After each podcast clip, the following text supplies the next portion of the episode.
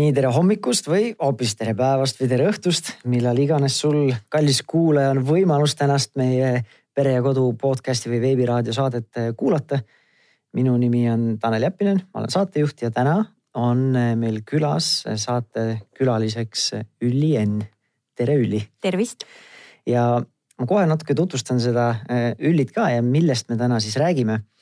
mul endal on selline väga põnev teema, me räägime just paljuski räägime eh, lastega reisimisest või reisivast elustiilist, aga just selles võtmes, et, et lapsevanemana, et ei, võib-olla alati siis ei peakski eh, enda nii-öelda selliseid soove või elustiili nagu laste, lastega elule ohvriks tooma, et tegelikult saab neid asju kohandada ja, ja sättida niimoodi, et, et, et sa ei peaks seda tegema. ja Ülli, Ülli, sina oled kahe lapse ema on ju? nii on. Äh, vanad teil lapsed on? meil on kolmene Jokomei ja viieaastane Nomi. no tegelikult väga palju erinevaid elus, meil on äh, tütar on neljane ja siis äh, poeg on äh, aasta ja kaheksa, aasta ja üheksa kuud umbes no,. seal on arenguliselt üsna, üsna, üsna palju sarnasusi, just.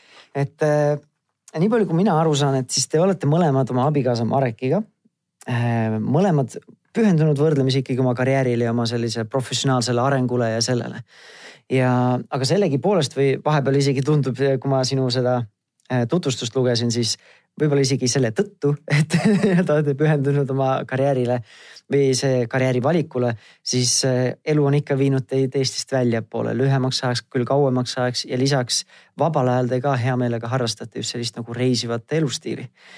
et on see alati niimoodi olnud või kust kus see selline niimoodi tundub, et on see juhtunud niimoodi, et sellised karjäärid tuleb või see on ka teadlik valik olnud nii-öelda disainitud teil niimoodi? Aitäh sulle selle hea sissejuhatuse eest ja tõesti põneva teemapüstituse eest, et tõsi, mulle tundub, et ähm, ma võin nii enda kui, kui kaasa Mareki nimel öelda, et ega meie oleme ikka meie nii enne mhm. lapsi kui nüüd lastega. ja võib-olla äh, oleks aus öelda, et, et me oleme mõlemad Marekiga olnud sellised kirglikud uue avastajad ja reisisellid juba ammu enne. kui me ka omavahel kokku saime ja, ja kuidagi siis leidsime seda üheskoos tehes, et see on jätkuvalt nauditav ja, ja võiks meie ellu hästi sobida. ja tegelikult kunagi äh, koos elu alustades rääkisime noh, nii nagu äh, ilmselt inimesed, kes kokku saavad ikka nendest äh, sihukest tulevikuperspektiividest ja mõtetest, mis need ilusad ühised unistused on, siis reisimine oli kindlasti üks äh, nendest. ja, ja sündis ka see otsus, et ähm, kui ühel või teisel meist peaks olema võimalus teha tööalaselt või, või muidu midagi sellist kusagil mujal kui Eestis siis me tahaksime seda teha meelsasti perena koos. ja meil on läinud väga hästi, meie perega on liitunud kaks pisikest inimest, Nomi ja Yoko ja, ja nii tundub meile täiesti loomulik tegelikult teha edasi neid asju, mis meid kütkestavad, mis meid arendavad, mis on meie jaoks nauditavad ja muidugi teha seda sellises võtmes, et see on kõigile meile nauditav ja, ja äge. ja see tähendab seda, et lastega reisides või, või sellist reisivat eluviisi harrastades tuleb äh, teha teatud äh, omamoodi planeeringut, äh, kohandumisi ja kõike seda. aga mulle tundub, et see ei ole teisiti ka siis, kui sa elad edasi oma tuttavas kodupaigas ja, ja sa mm. saad lapsed, nii et selles mõttes võib-olla isegi ka see ei ole teab mis erinev ja, ja et kui sul on kahekorruseline elamu, siis paned selle turvavärava sinna ette trepi ette, et laps pead põhki ei kuku, et siis samamoodi reisil ka, siis teed tead, teatavaid, teatavaid sellist võib-olla kohendusi. Äh, kas reisi sihtkoha valikul või hotelli valikul või üldse mis laadis see reisimine on, et siis arvestada nende vajadustega. nii on ja kindlasti see reisimine on selles mõttes muutunud meie jaoks ka, et, et see on võib-olla ka selline osa teadlikest äh, valikutest äh, või, või otsustest, et, ähm, et kui sa lähed äh, kahe lapsega reisile, siis ilmselt see, mis sa jõudsid kõik varem ühe päeva jooksul teha, täna päris enam nii ei ole, see, seda ilmselt tunnevad ära kõik vanemad, kes on lastega kunagi kuhugi reisinud, olgu see kasvõi äärelinn sinu oma kodukandis. aga, aga nii on ja, ja samas, kui sa selle oled kuidagi selle mõttega oled rahu teinud, siis ma arvan, et võib lastega reisimine olla väga äge ja ja see väikelaste see taluvus, et kui kaua aega on okei okay, ühes paigas istuda, olgu see lennukiiste, olgu see auto tool, mis iganes on väga erinev täiskasvanust, kellel on siht silme ees ja tahab see viimased, äh, ma ei tea, viis tundi veel autoga sõita, et kohale jõuda no.. absoluutselt, absoluutselt. et äh, kus, kus te viima-, mitte viimasel, ütleme nüüd lapsevanematena, kus te nüüd kõik koos perena olete reisinud mm? -hmm no meil on siis äh, lastega pereks olemise kogemust viis aastat mm -hmm. ja selle aja jooksul me oleme ligi kaks aastat elanud Brüsselis, kus ma olin ähm, tegev Eesti äh, Euroopa Liidu Nõukogu eesistumisega seoses, aitasin selle õnnestumisele kaasa äh, ja siis me oleme teinud selliseid lühemaid puhkusereise Aasiasse, mm, kolm kuud Tais, kui meie esimene laps oli viiekuune. tavainimese jaoks kolm kuud on pikk reis, aga sinu jaoks oli see lühem, lühem reis. jah, võrreldes kahe aastaga lühem. Äh, ja, ja see siis tegelikult me oma Brüsseli perioodi otsustasime ka mm, lõpetada sellise mõnusa pika puhkusega Aasias ja olime siis kolme kuu vältel, äh, käisime Hongkongis, Vietnamis ja Kambodžas ja siis me oleme teinud tõesti ka meie mõistes lühemaid, ehk siis nii nädalasi umbes äh, puhkusereise. tavainimese nii-öelda äh, reisid. just äh, ja mõned sekka ka tööreisid ähm, Türki, Hispaaniasse erinevatesse kohtadesse, Prantsusmaale, Luksemburgi. ka Brüsselis elades oli see mm, kuidagi niimoodi väga kerge reisimine kõrvalriikidesse, et, et see on mhm. siis see, mida me oleme pigem oma vabal ajal teinud kuidas te tavaliselt, no ilmselgelt Aasiasse või kuskile lendate, aga kui te Euroopas reisite, kas tegite rongiga ka neid reise või?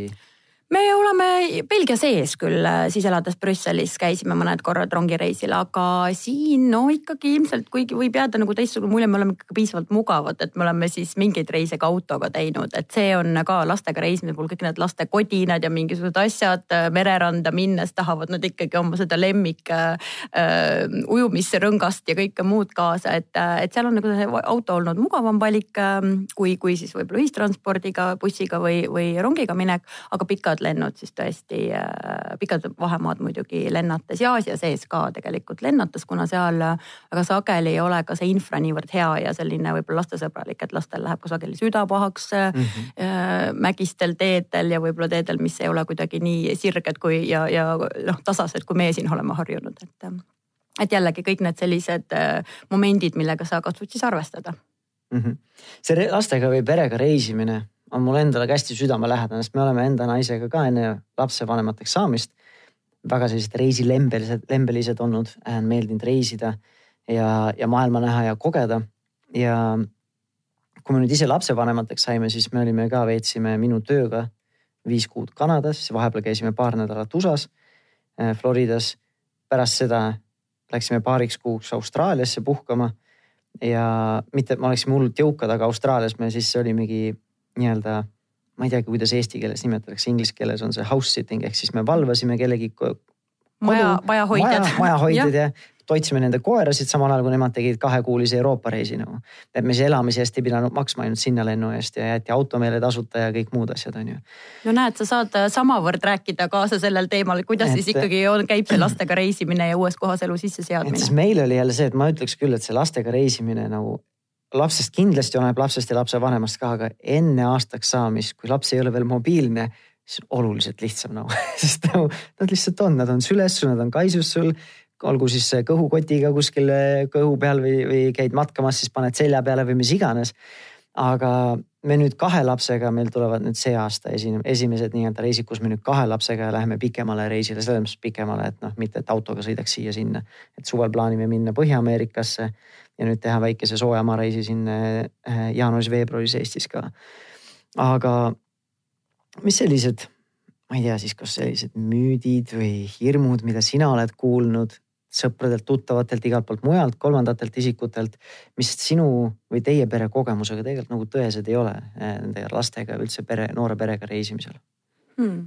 see on hea küsimus ja mulle tundub, et see selline mm, võib-olla kõige selline kaalukam asi, millega me ise niimoodi kuidagi mm, kokku puutusime, oli seesama selline mõttemuster kui selline, et, et kuhu sa ikkagi nüüd väikse lapsega lähed ja eriti mhm. kui on esimene laps, et. et võib-olla meil oli seesama tunne, et mõnes mõttes seda meie esimest suure reisiotsust minna siis kolmeks kuuks Taisse, kui meie laps oli viiekuuseks saanud me kõige kauem pelgasime oma vanematele rääkida, et, et see tundus selline kõige, kõige ületamatum takistus kõige muu juures. et saatsite postkaardi lihtsalt lennujaamas, kuhu olite kohale päris nii me ei teinud, aga me ikkagi no ikkagi mõtlesime enne läbi, et millal ja kuidas me seda serveerime ja nii. Ehm, ja kindlasti nagu ütleme nii, et kui, kui sellest teemast rääkida, siis ajaga on meie vanemad kindlasti ka harjunud selle mõttega ja, ja täna neid enam sellega ei, ei üllata. Ehm, ja nad pigem siis seepeale hakkavad mõtlema, kuidas nad saaksid sinna siis kas kaasa tulla või meile külla tulla või, või kuidas see ka nende elu on tegelikult väga heas mõttes mõjutanud aga ma mäletan seda, et eks meil oli neid hirme tegelikult endal ka, et noh, just see, et sa oled ikkagi, see ongi su esimene laps, sa noh, kõik enam-vähem läheb nagu hästi, aga sul on ka kogu aeg arstid ja see muu tugivõrgustik siin ju olemas mm. -hmm. ja, ja muidugi, ega siis me selles mõttes ei ole päris sellised äh, nii hulljulged, et me ei oleks mõelnud selle peale, et me tegelikult tegime ka reisi sihtkoha valiku selle järgi kus on, äh, oli ikkagi haigla läheduses, oli võimalik liikuda siis äh, lapsega arsti juurde, kui peaks vaja olema, et mingid sellised asjad me tegelikult enne mõtlesime läbi ka mm. -hmm. Mm, siis me pidasime perearstiga nõu, meil on muidugi selline, ma arvan, üks Eesti parimaid perearste, kes ütles meile, et muidugi talvisel ajal siit viiruste kantsist ära minna, see on Sa parim mõte, mis te teha saate, minge kindlasti. nii et selles mõttes oma julgustavad sõnad me saime ka temalt teele kaasa ja ma arvan, et see on hästi tähtis, et sa kuidagi noh, oma hirmudega ka tegeled, et me lugesime hästi palju netist artikleid, mis käsitlesid lastega reisimist, ka mingeid vanemate soovitusi, kuigi meil on ka sõprade hea soovitus mitte kunagi vanemate foorumeid lugeda. Et mine tea, kui head nõuannet sa sealt saad, aga see aitas, meie puhul see nagu toimis, et ja, ja noh, hästi ma kuidagi mõtlengi, et võib-olla nagu minu arusaamas see ettevalmistus ja tegelikult see tugi, mida sa nii endale kui lastele saad pakkuda enda reisimisega seoses on noh, nii vaimne, see, et sa nagu häälestad ennast, sa kuidagi mõtled selle läbi, kuidas see siis on, et sa oled kindel, et sa seda teha tahad ja teine on siis nagu see praktiline pool, et, et noh, ka samamoodi me leidsime tohutult igasuguseid soovitusi ja tuttavatelt, kuidas siis sedasama pikka lennureisi saad leevendada mm -hmm. näiteks, eks ja, ja noh, ka nüüd, kui lapsed on juba suuremad ja noh, tõenäolisemalt see see viiekuune magab sul selle reisi lihtsalt maha ja, ja midagi hullu ei ole. kuigi kui me tulime temaga tagasi ja siis ta oli selleks ajaks kaheksakuune, siis ta ei maganud silmatäitki terve selle pika lennu ja me tõesti käisime taga mehega nii kui kaua, kuni käed jaksasid mööda lennukit ringi ja pälvisime kogu lennuki kaasreisijate sellised kaastundvad pilgud et me ei lasknud lapsel karjuda ja, ja neid ka üleval pidada terve reisi, mis on ka noh, ma arvan, üks selline raske asi, et mida tegelikult ähm, paljud minu lastega reisinud väsinud sõbrad on tunnistanud, et äh, sellel hetkel, kui su laps on äh, väga väsinud, ta karjub sul üles, sul ei ole temaga mitte kuhugi minna, sa oled ise väga väsinud ja siis sa kohtad ka veel neid kohutavalt vihaseid mhm. pilke mm -hmm. kõik ümberringi, et, et need on võib-olla sellised seigad, mida sa tegelikult, ma arvan, et saad nagu te natuke teadlikult äh, ette valmistada ja, ja noh, enda seda selgroogu kasvatada, pluss siis praktilistele ettevalmistustele, et kuidas seda teha mm. -hmm. ma sellega oskan hästi samastuda oma naist teades, et temal oleks see väga suur nii-öelda koorem kanda, et kui nüüd tema laps nüüd teisi üleval loeb, minul endal oleks ükskõik no. Mm -hmm. mitte sellepärast, et ma olen ükskõikne inimene teiste suhtes, aga selles mõttes, et ma teen nii palju, kui ma saan teha, ma kontrollin seda, mida ma saan kontrollida ja kui mm -hmm. laps karjub või nutab selles mõttes, et tal on mingi stress, siis, siis ta lihtsalt nutab ja siis on vaja seda teha nagu.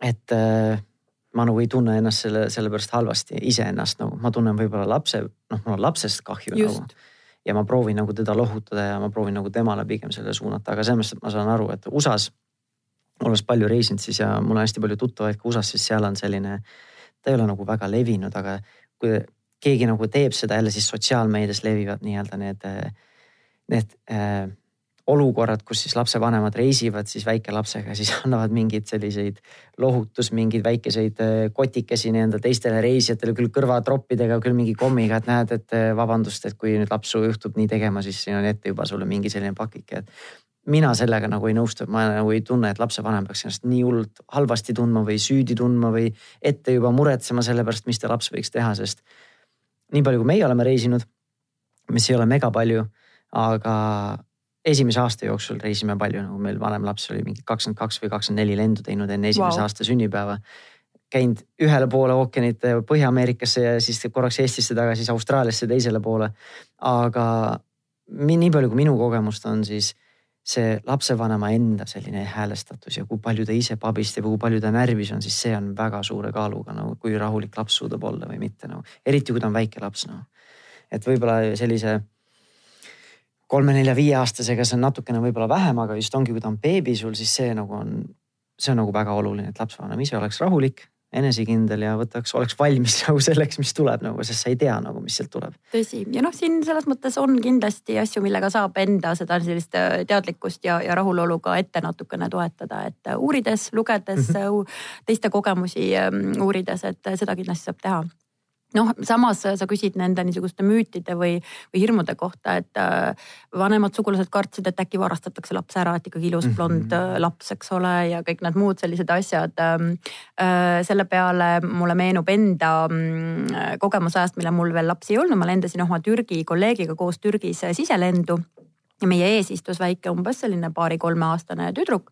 ja noh, me olime seal lennukis võib-olla olnud mingi seitse-kaheksa minutit, kui siis see minu kolleeg, Türgi mees, haaras selle väikese pisikese beebi tüdruku endale sülle, musitas, kallistas teda, rääkis tema emaga lõbusalt juttu, mille peale mul jäi peaaegu tunne, et kas nad tunnevad äkki omavahel, aga ei kaugel sellest. Ja, ja see oli selline minu hea esimene sissevaade sellisesse kultuuriruumi, kus suhtlemine võõraste lastega ilma liigselt piire seadmata on täiesti normaalne normaalne, see sobib kõigile ja seda peetakse pigem selliseks heaks äh, viisiks, kuidas ühiskond omavahel seotud on. ja siis ma pidin talle küll toona ütlema, et ära sa Eestisse lennates küll lennukis sellist asja teed. Et see ei pruugi kindlasti heaks äh, kiitu pälvida, et äh, ja, ja see on kindlasti ka meie kogemus, et olles elanud lastega erinevates kultuurikeskkondades ja, ja nendega reisinud et äh, noh, sa võid selles mõttes aidata ennast ka natuke, et uurides, et mismoodi, kui lapsesõbralik see, see keskkond siis on ja, ja kuidas seal tegelikult on nagu kombeks ka mm, siis äh, suhelda lastega mm. -hmm. ja, ja tegelikult Aasias me oleme väga palju kokku puutunud sellega, et äh, noh, me ise sellist suurt elevust ei tekita, aga kui me oma lastega tänavale läksime, siis igal juhul äh, liikumine edasi oli aeglasem, sellepärast et ikka tulid kohalikud elanikud, kes tahtsid lastega rääkida, küsida, kui vanad nad on. ja, ja noh, kuni selleni välja tegelikult, et ähm, ühe oma reisi käigus me elasime Vietnamis sellises väga väikeses kalurikülas, kus nad ikkagi turiste praktiliselt äh, näinud ei ole. ja ka meie teisi turiste kogu oma äh, seal viibitud kuu aja jooksul ei näinud ja, ja noh, see on tõesti selline väga väike küla, kus siis äh, umbes igal hommikul poolteist tundi on kohalik turg ja see on praktiliselt ainuke koht, kus sa saad oma toidukauba osta. kus meie ka siis igal hommikul või üle päeva käisime ja, ja seal oli näiteks see, et me, kui me turule tulime, siis ikkagi kõik külaelanikud tormasid kohe seal turul meie juurde, hakkasid meid igalt poolt katsuma, tahtsid meiega mm -hmm. rääkida ja see oli muidugi meie laste jaoks väga kurnav, et me mm -hmm. saime neile küll korduvalt seletada seda, miks see nii on, seletada ka seda, et kui meie näeme Tallinnas vietnamlase välimusega inimesi, siis ka meil jääb silm peale ja see tekitab noh, kergelt niisugust huvi. aga meie erinevus on see, et me ei lähe neid katsuma ja, ja me võib-olla ei lähe ilmtingimata kontakti otsima, aga nemad siin teevad nii. ja, ja noh, ega see noh, ei pruugi selles mõttes lapsele seda lihtsamaks teha et me tegelikult ka teisel nädalal saime aru, et meie vanem tütar enam ei taha turule tulla äh, meiega koos, et ta ei taha lihtsalt seda tohutut niisugust tähelepanu keskmes olemist ja tõesti sellist füüsilist kontakti aga see on ka tegelikult äh, minu meelest võimalus äh, aidata lastel aru saada, kuidas maailmas inimesed erinevad, kuidas kombed erinevad äh, ja, ja aidata neil selles mõttes heas mõttes sellega toime tulla, et tõesti nad ei pea tegema midagi sellist, mis neile vastumeelne on, nii nagu me ka ise ei tee seda teises kultuurikeskkonnas, aga aidata neil natuke teadlikumaks saada ja, ja mõista seda, et inimesed ei ole igal pool ühesugused ja käitumised ja tavad mm. -hmm.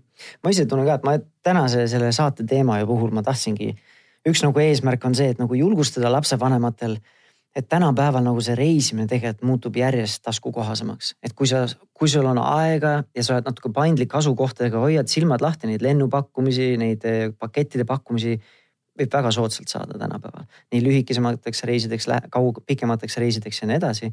et nagu julgustada seda, et see esiteks annab ja turgutab sind, eriti kui me räägime talvisest ajast Eestis. et see turgutab sind, sinu nii-öelda süsteemi, üldse tervist ja nii edasi ja samamoodi lastele, lastele ka.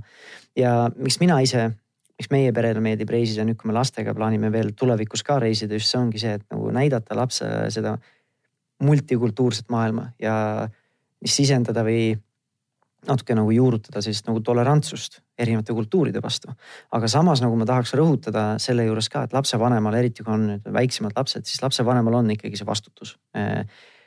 nii-öelda olla see filtriks või kaitse, kaitse, kaitsta seda last seal nende, nagu sina rääkisid, sellistes olukordades, sest noh, see on stressirikas eh, saate kuulaja seda ei näe, aga kui sa rääkisid seda lennuki intsidenti selle Türgi töökaaslasega, siis mul läksid endal ka silmad suureks, mitte sellepärast, et ma ei usu seda, et see juhtus. ma olen ise ka neid asju näinud, aga just selles suhtes, et minu kui isa seisukohast see ei ole okei okay,, kui mingi võõras mees võtab minu lapse minu käest luba küsimata sülle ja hakkab teda katsuma või musitama või mängima temaga, onju. aga mingites kultuurides need äh, standardid on, on erinevad. et me, ma ise olen ka tuttavaid, tuttavatega rääkinud, kus nad äh, olid ka Aasias kuskil vähe väiksemas nii-öelda, mitte nii turistipiirkonnas ja see laps oligi see nagu turismi atraktsioon seal, et see tuligi nagu selline õnnistus sinna külla, et inimesed tahtsid selle lapsega pilti teha. Nad läksid restorani, ettekandja küsis, kas ta võib lapsega pilti teha.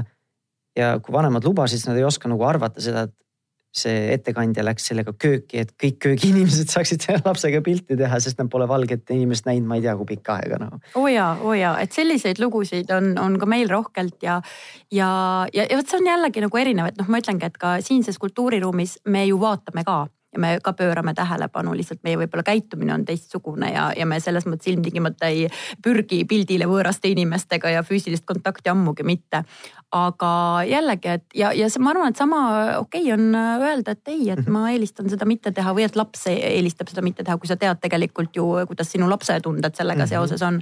aga tõsi ähm, ja et Aasias kindlasti oli, oli hästi palju seda, et, et tahame teha pilti ja siis tahtis teha pilti veel kogu see seltskond, kes mm -hmm. Selle perega kaasas oli mm,. ja, ja tõesti nii, nii see on ja, ja samas ma arvan, et, ähm, et äh, see ongi see noh, nagu sa tõid välja neid võimalikke kasutegureid, et, et sellise kultuurilise mitmekesisusega, erinevate käitumismallidega, tavadega harjuda, aidata, et, et lisaks sellele noh, kuidas ma arvan, meie kogemuses me mõtleme, et miks see on kuidagi hea. lisaks sellele, et see on meile endale väga nauditav, on kindlasti seesama, et laps õpib ka kohanema erinevate keskkondadega, mis ma usun, on eluks ülioluline oskus, et ta tõesti saabki aru erinevast keskkonnas kuidagi selline endaks jäämine, mingi oma pidepaiga leidmine, kohanemine sellega, kuidas, kui su ümbruses olud muutuvad, erinevate inimestega kohanemine, et ma arvan, see on kõik see tegelikult, mis on väga väärtuslik pagas, mille, mille meie lapsed siis ellu kaasa saavad tänu sellele, et nad on väiksest saati juba kohanenud erinevatesse keskkondadesse. võõrkeeleoskus kindlasti mulle väga meeldib, äh, president Kaljulaid on kunagi ühes oma artiklis öelnud, et kui me ei õpeta lapsele äh, eelkooli eas selgeks vähemalt ühte võõrkeelt, siis see on lapse ajupotentsiaali raiskamine ja ausalt öeldes vaadates oma kahte pisipiigat kodus, mulle tundub, et presidendil on ka selles küsimuses enam kui õigus, et äh, nad võtavad võõrkeeli külge lihtsalt nagu viiruseid, et, et mängleva kergusega. Mm, ka meil näiteks on see kogemus, kuidas mm, Brüsselisse siis kolides, äh, meie vanem tütar oli sellel ajal kolmeaastane ja me alati eelistame tegelikult nagu kohaliku eluga sellist head kontakti, aga mm, seetõttu läks ta siis Brüsselis kohalikku lasteaeda, prantsuse kogukonna lasteaeda ja muidugi see oli väga raske otsus nii meile vanematena kui lapsele, kui ta läheb padu prantsusekeelsesse lasteaeda praktiliselt siis üleöö, noh okei okay,, me natukene mängisime temaga enne selles, näitasime ka multikaid, et ta selle keeleruumiga kuidagi natuke kohaneks, aga kuna me ise ei oska prantsuse keelt, siis oli ka see seetõttu keerulisem nii meile kui. kui vana ta oli? kolmeaastane mm. -hmm. ja verbaalne siis juba eesti keeles nagu kuidas? et eesti keeles verbaalne. ja, ja, ja, ja, ja noh, loomulikult sa saad aru, et see on väga keeruline, see oli ka meile vanematele väga keeruline. panime septembri alguses, kui ta sinna läks, ühte taskusse sildi, et äh, palun, ma sooviksin juua.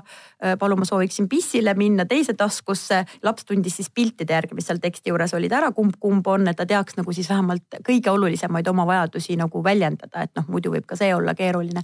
et sellises olukorras sa tegelikult jällegi sa saad nagu väga praktiliselt läbi mõelda, et mis asjad need siis on, mida see laps võib kõige rohkem vajada ja aidata tal tegelikult selles keskkonnas ka toime tulla.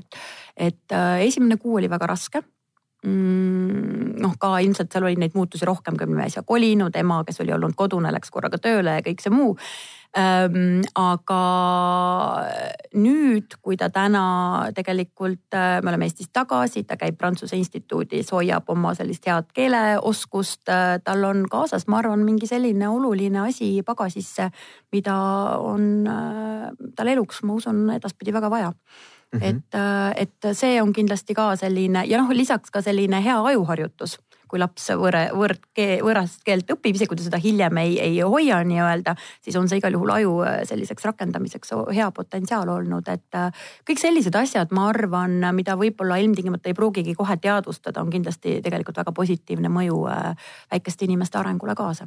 selles mm -hmm. ma olen küll üsna veendunud. tahaks, ma tulen korra selle tagasi juurde, mis, mis, mis veel sellised positiivsed mõjud võivad olla, aga natuke tahaks adresseerida seda, mis korraks läbi käis ka see et see lapse ohutus ikkagi reisidel on vanema vastutus, sest teatud riigid on, kus see laste röövimine on levinum kui lääneriikides, noh paljudes arenguriikides on see levinum kui lääneriikides.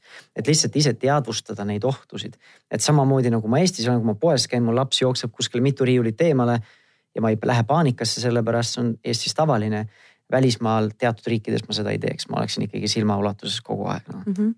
ma et arvan, lihtsalt, et jah. nii-öelda olla teadlik nendest ohkud, ohtudest ja siis natukene kohandada enda käitumist, mitte nii, et kedagi hirmutada selle pärast, aga lihtsalt vahepeal tuleb natukene korrigeerida või kohandada oma käitumist no.. täiesti nõus sinuga. Ja ma arvan, et see selline ähm, ohutunne ja, ja vastutus jällegi see on nii siin, kui, kui äh, ükskõik millises kontekstis sa vanemana koos oma lapsega oled. Äh, mina olen suhteliselt kanaema tegelikult, vaatamata sellele, mis mulje võib jääda äh, väga reisihimulisest elustiilist. mina näiteks ka Tallinnas lapsega toidupoes käies ikkagi hoian tal silma kogu aeg peal ja muutun väga ärevaks, kui ta kuhugi riiuli taha peaks kaduma, nii et selles mõttes on tõsi, et, et noh, üks selline võib-olla vanemate jaoks ka keeruline asi, miks paljud võib-olla eelistavad mitte reisida, on seesama, et noh, ka seal, kus sa oled ise võõras keskkonnas, eks, et see on ka sinu jaoks kuidagi ärevam ja, ja väsitavam ja kõik see muu. sa noh, pead olema kuidagi nagu ekstra valvel veel ka nagu laste pärast, et see on kindlasti ka, ma arvan, see mõõde, mis paljude jaoks tundub, miks on nagu kuidagi mugavam mitte, mitte mm. reisida. aga vastutama loomulikult ja, ja see on kindlasti ka tõsi, et siin need kontekstid on ikkagi erinevad, et noh, ka kui me vaatame seda, kuidas tegelikult ähm, noh, ka minu sugulased äh, väiksematest Eesti linnadest ei saa aru, kuidas sa Tallinnas kohviku ukse taha lapse magama jätad. ja, ja paljudele teistele, kes elavad kusagil mujal riigis, et oi Tallinnas on see ju väga turvaline, seda võib vabalt teha, eks ole, ise kohvikus töötades laps magab kärus väljas. Ehm, noh, seda enamikes riikides ei tehta äh, ka mitte nii turvalises paigas, nagu seda Brüssel võiks äh, muidu tunduda näiteks, kus meie siis oleme elanud, et. et need on kindlasti asjad, mille kohta jällegi, et sa võid natukene ikkagi ennast nagu ette valmistada ja uurida seda konteksti ja selline hea talupoja mõistus, äh, ma usun, ei vea sind ka alt nii, siin kui seal elades. ja, ja kui noh, sellised hirmud on, siis kõige lihtsam valik ongi lihtsalt võtta selline tavaline tuusik ja paketireis, oled hotellis, saad oma päikesepatareisid laadida, saate passus supelda ja, ja lihtsalt nautida seda suvist ilma, on ju. ja natuke selle juurde nüüd tagasi tulles nende positiivsete mõjude juures, et ma ütleks, et just eriti siis, kui sa ei ole selline reisiv elustiil, et sa nüüd reisid pool, pool aastast kuskil mujal, on ju. noh, meie tegime seda esimesel, oma vanema lapse esimesel aastal töö ja muudel põhjustel. aga nüüd me tavaliselt teemegi võib-olla paar reisi aastas. et siis need reisid tegelikult lähendavad just pereliikmeid omavahel, et see on selline suurepärane võimalus luua väga selliseid vahvaid ühiseid mälestusi, mis eh, nii-öelda seovad pereinimesi emotsionaalselt paremini kokku omavahel, et omavahel tekib siis rohkem selliseid, ma ei tea oma selliseid naljasid mingitel reisidel, oma selliseid repliike, mis iganes see äh, ja sellist äh, ühiseid mälestusi just, et äh, sa lähed oma igapäevarutiinist välja ja olete koos kuskil, teete koos midagi ja nii edasi.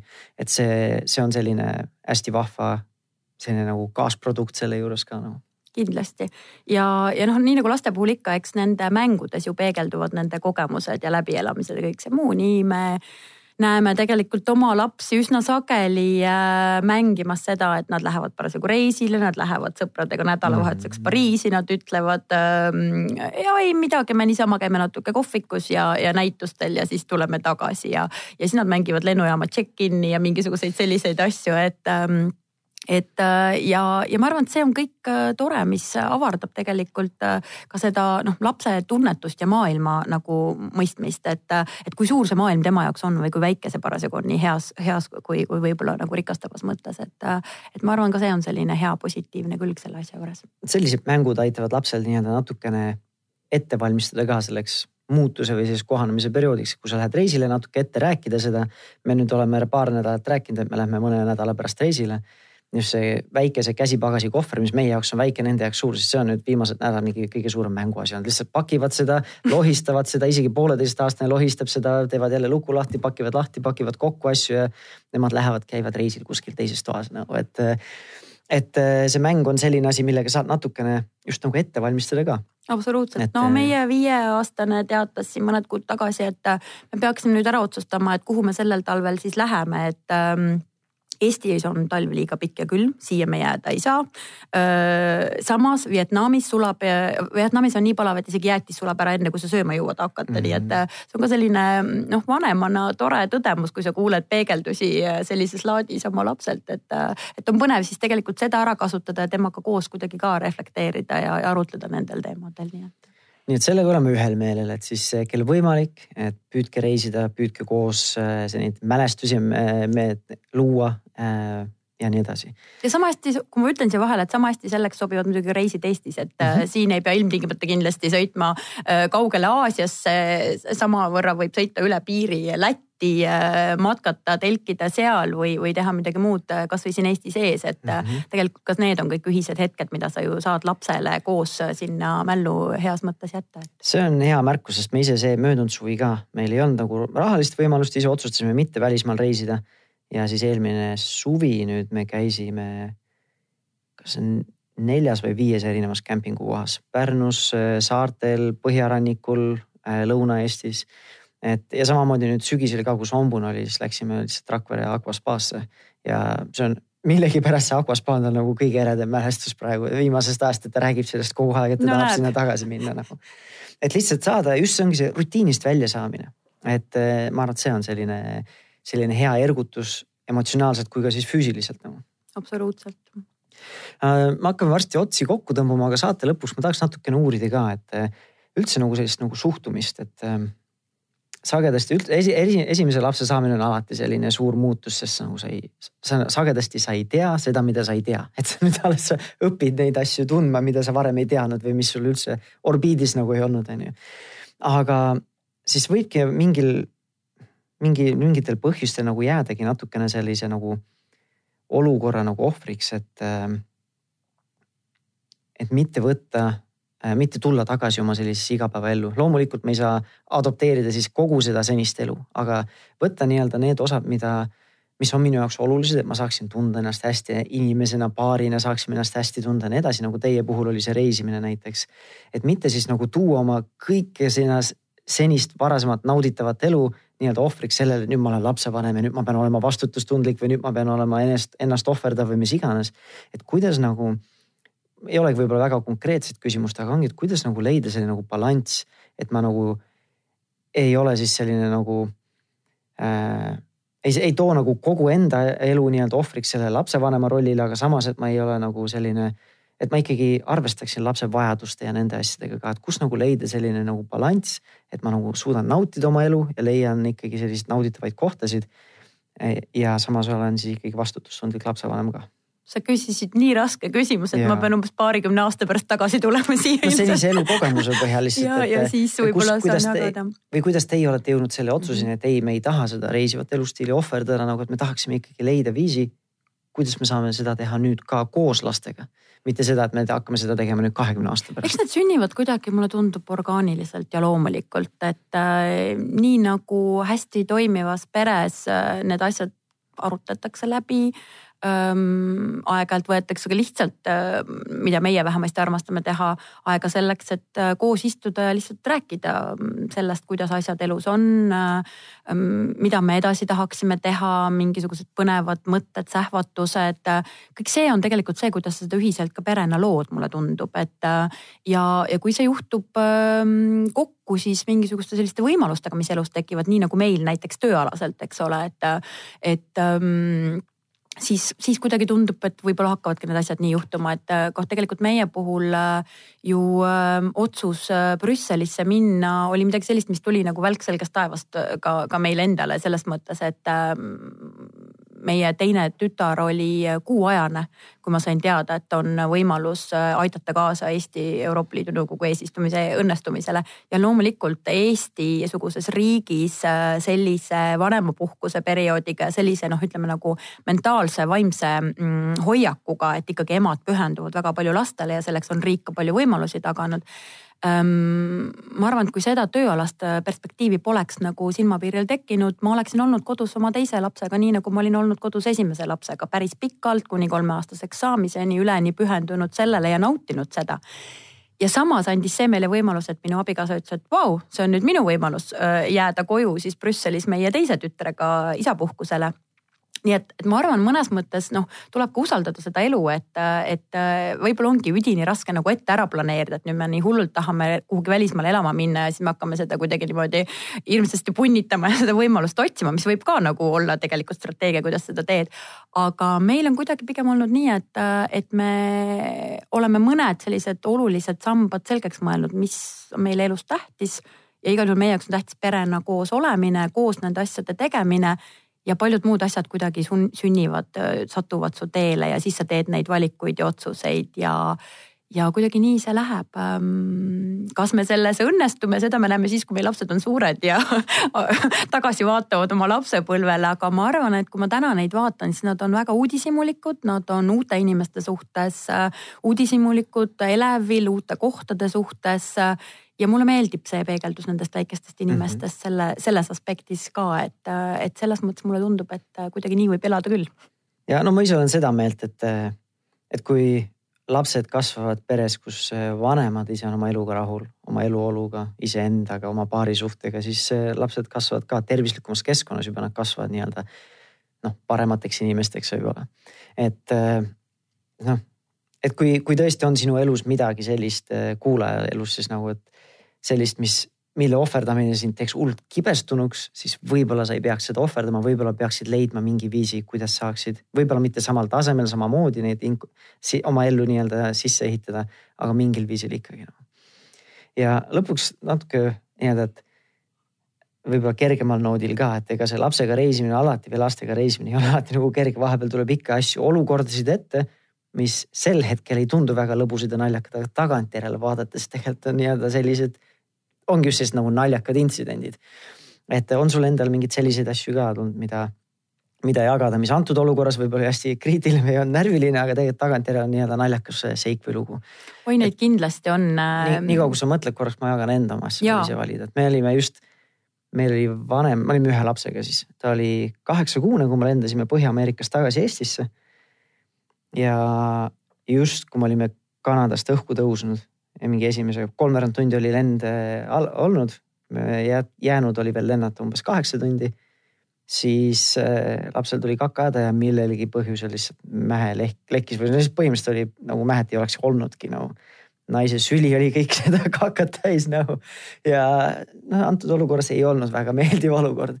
Ja nii kui maandusime Stockholmis ka, siis naine läks, ostis endale, sest ülejäänud riided olid kõik äh, kohvris, ostis endale uued püksid aga õnneks siis oli ta, ei olnud veel liha, liha hakanud sööma et, et väga palju ei haisenud see. et tegelikult üllatavalt kergesti saime lahendada, aga see närviline ja see üldse lennukis ja kõik see asi oli nagu väga närviline tagantjärele. Tegelikult oli päris nagu naljakas, naljakas seik, aga neid asju tuleb vähemas või suuremal määral tuleb neid asju nii või teisiti ette, lihtsalt ole nagu valmis ootamat-, ootamatuteks nagu või ootamatusteks kindlasti neid on, see, see oli väga hea lugu ja kindlasti mingeid selliseid seiku, noh, ma ütlengi, et minu meelest tuleb neid elus lastega ette nii kui siin koduses keskkonnas ja, ja reisil veel enam ähm,. päris sinuga samal lainel võib-olla ähm, mul hetkel nagu sellist konkreetset näidet ei meenugi ja neid kindlasti on äh, igasuguseid. mulle küll aga mm, tuleb äh, nagu teravalt ette üks selline lugu, mille peale ma olen äh, tegelikult viimasel ajal palju mõelnud ja, ja see on just võib-olla nagu seotud sellega, et kuidas ähm, ka see selline reisimine ja erinevate asjade kogemine annab sulle nagu võimaluse hiljem oma koduses keskkonnas asju kuidagi ka teise pilguga näha või neid kuidagi mingi teise perspektiivi panna. et me kevadel äh, Vietnamis olles sattusime mm, tütrega haiglasse ja seda on ka korduvalt juhtunud meil erinevates riikides. Äh, ikkagi läheb vaja arstide abi ja võib-olla see on üks koht ka, kus sa oled tegelikult nagu topelt ärev, eks ole, et võõras keskkond, su lapsega juhtub midagi, kõik see muu ja ma arvan iseenesest. keelebarjäär võib-olla. just nimelt noh, ka Google Translate äpiga tõlgid arstile seda, mis siis lapse sümptomid on ja saad sealt midagi vastu ja siis umbes neljandas lauses saad aru, et oot, me räägime ikka üksteisest kuidagi väga mööda siin ja, ja kõik sellised asjad, mis ma arvan iseenesest ka noh, enda peale mõeldes inimesena kindlasti teevad mind nagu tugevamaks, et äh, see ei ole väga meeldiv, noh, ma ei taha seda ka panna sellisesse võtmesse, et see käib kuidagi nüüd laste arvelt ja sellises kontekstis, aga see on kindlasti midagi sellist, mis sind inimesena nagu arendab. aga meil oli siis nagu selline seik, kus ähm, Vietnamis väga väikses kohas ka haiglasse sattudes äh, oli nii, et noh, see on igal juhul hästi ülerahvastatud, ka sealne meditsiinisüsteem on oluliselt nagu kesisemate võimalustega ja seal on ka nii, et tegelikult nagu haiglas tagatakse sulle ravimid, aga noh, kõige selle muu hoolitsuse siis tagab sinu pere tegelikult. see tähendab seda, et ka laste puhul nad on seal haiglas öösiti, vähemasti on neil kaks või kolm pereliiget veel nagu juures, mis tähendab, et seal palatis, kus muidu oli umbes kümme last, oli noh, umbes kolmkümmend inimest siis, eks ole.